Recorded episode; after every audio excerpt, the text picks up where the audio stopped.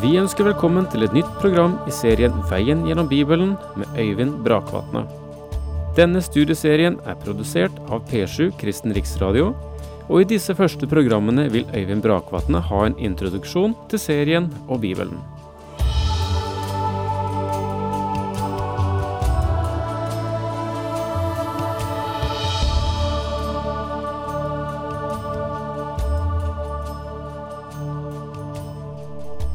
Sist stilte jeg spørsmålet Hvordan vet du at Bibelen er fra Gud? Og jeg eh, nevnte der eh, spesielt dette spørsmålet om hvordan Bibelen er bevart. I dag vil jeg gå videre på dette og nevne for dere arkeologien. For det er en annen måte som kan bekrefte at Bibelen er Guds ord. Arkeologens spader har fått frem mange ting som har bevist at denne boken er Guds ord. For eksempel var det mange som gjennom mange år benektet at Moses kunne være forfatter av de fem første bøker i Bibelen, på bakgrunn av at Skrift ikke eksisterte i Mosedager. Det argumentet hører du ikke lenger. Hvorfor ikke? Fordi arkeologen Spade har fortalt at det ikke var sant. Og slik har arkeologen gang på gang brakt frem vitnesbyrd om Bibelens troverdighet. Byen Jeriko og murene som falt ned, er ett eksempel. Mange skrifter som er funnet, har også bekreftet Bibelens ord. Det er ganske interessant at da Esaias-rullene ble funnet, blant en mengde andre skriftruller under en utgravning ved Dødehavet, ble de liberale begeistret fordi at de trodde de hadde fått et argument som reduserte Bibelens omdømme. Men disse skriftrullene har ikke redusert Bibelens troverdighet, og liberale krefter har mistet mye av interesse for dem. Jeg kan ikke si mer om dette nå, men det finnes en hel del litteratur som omhandler arkeologiens vitnesbyrd om Bibelens sannhet. For det tredje vil jeg peke på oppfylte profetier. Om jeg ble spurt i dag om jeg hadde en ting å foreslå som kunne være et fullgodt bevis for at Bibelen er Guds ord, vet du hva jeg da ville ha foreslått? Jeg ville ha foreslått oppfylte profetier. Oppfylte profetier er et bevis som du ikke kan stikke fra eller omgå, og Bibelen er full av oppfylte profetier. En fjerdedel av Bibelens skrifter, da de ble skrevet, var profetisk. Det betyr at de beskrev ting som skulle finne sted i fremtiden. En stor del av det, faktisk mer enn folk vanligvis forestiller seg, er allerede oppfylt. Vi kan slå opp på mange steder og få bekreftet nøyaktig oppfylte profetier. Og mange konkrete situasjoner ble oppfylt selv under profetenes levetid.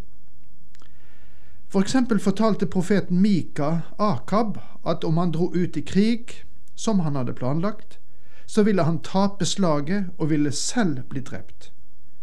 Men Akabs falske profeter hadde fortalt ham at han ville seire og ville vende tilbake som en seirende konge. Fordi Akab ikke likte det Mika fortalte, ga han ordre til at Mika skulle fengsles og bare få vann og brød. Og når han kom tilbake, ville han ta stilling til hva som videre skulle foretas med profeten. Men Mika ga det siste ordet. Hør. Om du kommer tilbake, så har Herren ikke talt ved meg. Vel, øyensynlig så hadde Herren talt ved profeten, for Akab kom ikke tilbake. Han, han ble drept i slaget, og hans armé ble nedkjempet. Han hadde til og med forkledd seg så han ikke skulle stå i fare for å miste livet, men Skriften sier at en soldat fra fiendens hær tok buen sin ved en tilfeldighet da slaget var omtrent forbi.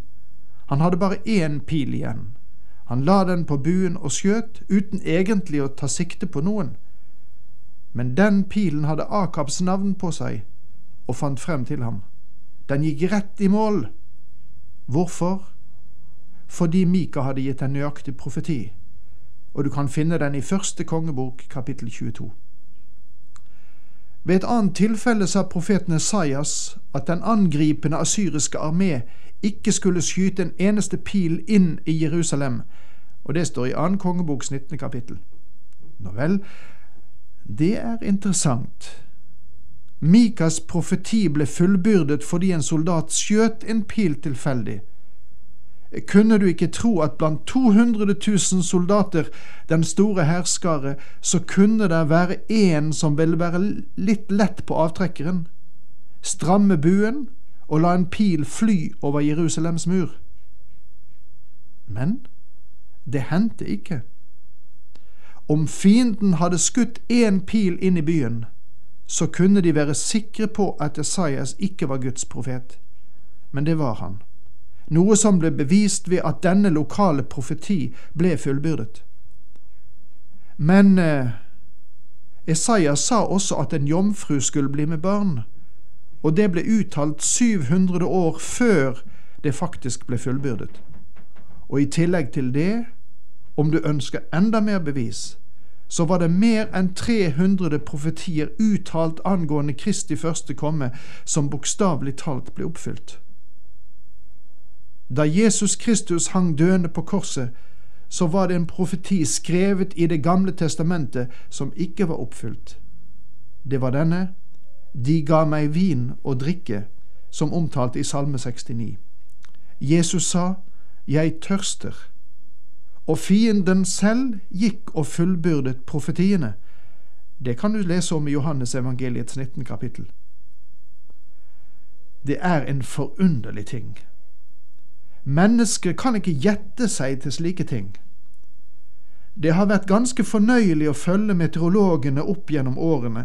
I sommertiden klarer de seg ganske bra, men i brytningen mellom årstidene så kan vi faktisk oppleve at min gjetning er like så god som hans. I Israel måtte profetene være nøyaktig. Om han ikke var nøyaktig, så ville han miste livet som en falsk profet. Gud fortalte sitt folk at de ville være i stand til å skille mellom falske profeter og sanne profeter. En sann profet må først tale inn i en konkret lokal situasjon, noe som Messias gjorde. Da den profetien ble oppfylt, så visste de at de kunne stole på ham når det gjaldt å tale om fremtiden, slik Esaias gjorde. Nå kan vi se tilbake og vite at dette ble oppfylt. Det er så mange andre profetier også. Tyrus og Sidon ligger der nøyaktig som Guds ord sa for 2500 år siden at de ville komme til å ligge. Egypt er nøyaktig i den posisjonen som Gud sa de ville være.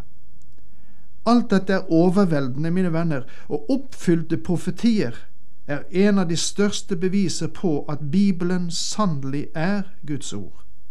For du forstår at mennesker kan faktisk ikke være så nøyaktige.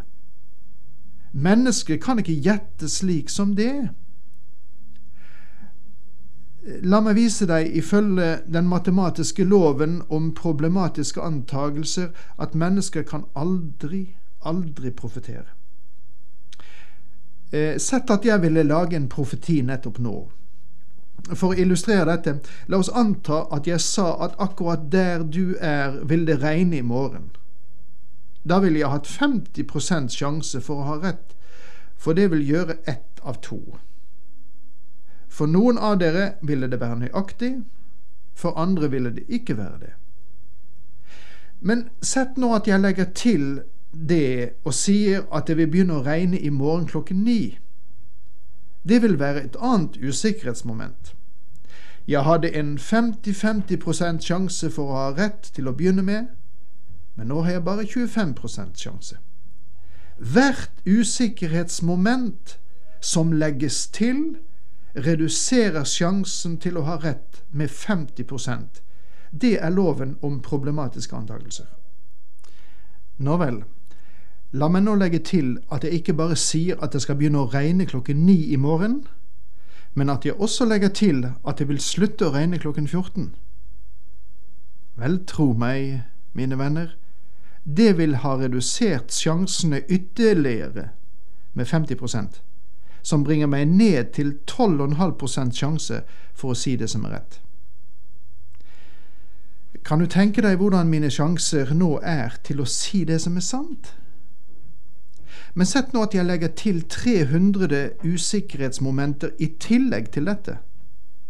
Da er det ikke fnugg av sjanse til å være nøyaktig. Jeg kan ganske enkelt ikke treffe. Det ville være umulig. Og likevel traff Guds ord nøyaktig. Tenk på det, kjære du. Det er helt nøyaktig. Bibelen har nå beveget seg inn på området for det absolutt umulige.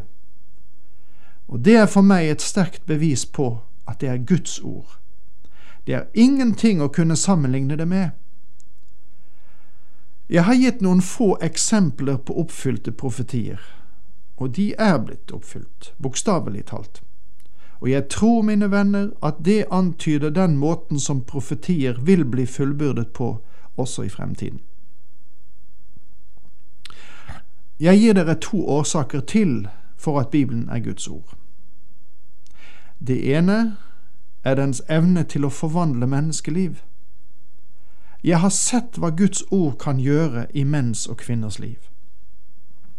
Unge og eldre har funnet hensikt og mening i livet. Ekteskap er blitt reddet, familier gjenforenet, enkeltmennesker er fridd fra alkohol og narkotikamisbruk. Folk har fått sitt liv forvandlet ved å komme til Kristus. Og så la meg gi deg en årsak til. Da jeg avsluttet min teologiske utdanning, så var jeg en predikant som hadde fått bestekarakter i apologetikk, det vil si å forsvare evangeliet. Og jeg forsøkte å forsvare Bibelen. Faktisk så tror jeg at hver eneste preken jeg holdt, var et forsvar for evangeliet. Og jeg følte det slik at om jeg bare kunne gi tilstrekkelig mange svar på spørsmålet som mennesker stilte om hvorfor de ikke trodde på Bibelen, så ville de tro. Men jeg fant ut at det verste jeg kunne gjøre, var å trykke et menneske ned intellektuelt. I det øyeblikk jeg gjorde det, så fikk jeg en ekstra fiende og kunne aldri vinne ham for Herren. Så jeg eh, sluttet med dette bibelforsvaret mitt og gikk inn på et annet område der jeg bare presenterte Guds ord så enkelt som jeg kunne. For, mine venner, bare Bibelen kan gjøre en synder til en helgen. En annen årsak til at jeg har beveget meg bort fra en forsvarsforkynnelse av evangeliet, er at det har vært en viss utvikling i mitt eget liv. Jeg har nådd det stedet eller det punktet der jeg ikke bare tror at Bibelen er Guds ord, jeg vet det er Guds ord. Og jeg vet det er Guds ord fordi Guds ånd har gjort dette klart i mitt hjerte og i mitt eget liv. Det var det Paulus talte til kolossene om. Han ba om at de måtte bli fylt med kunnskap om Hans vilje i all visdom og åndelig forstand.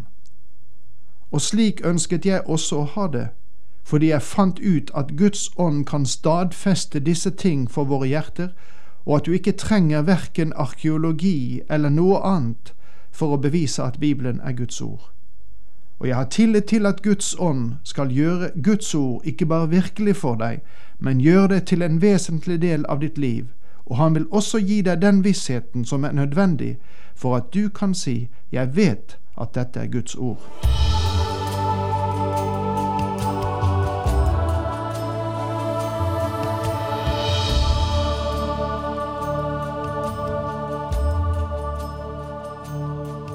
Du hørte Øyvind Brakvatne i studieserien Veien gjennom Bibelen.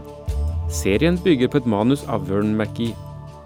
Har du spørsmål eller kommentarer til programmet, kan du sende en e-post til vgb krøllalfa p7.no. Takk for i dag, og på gjenhør.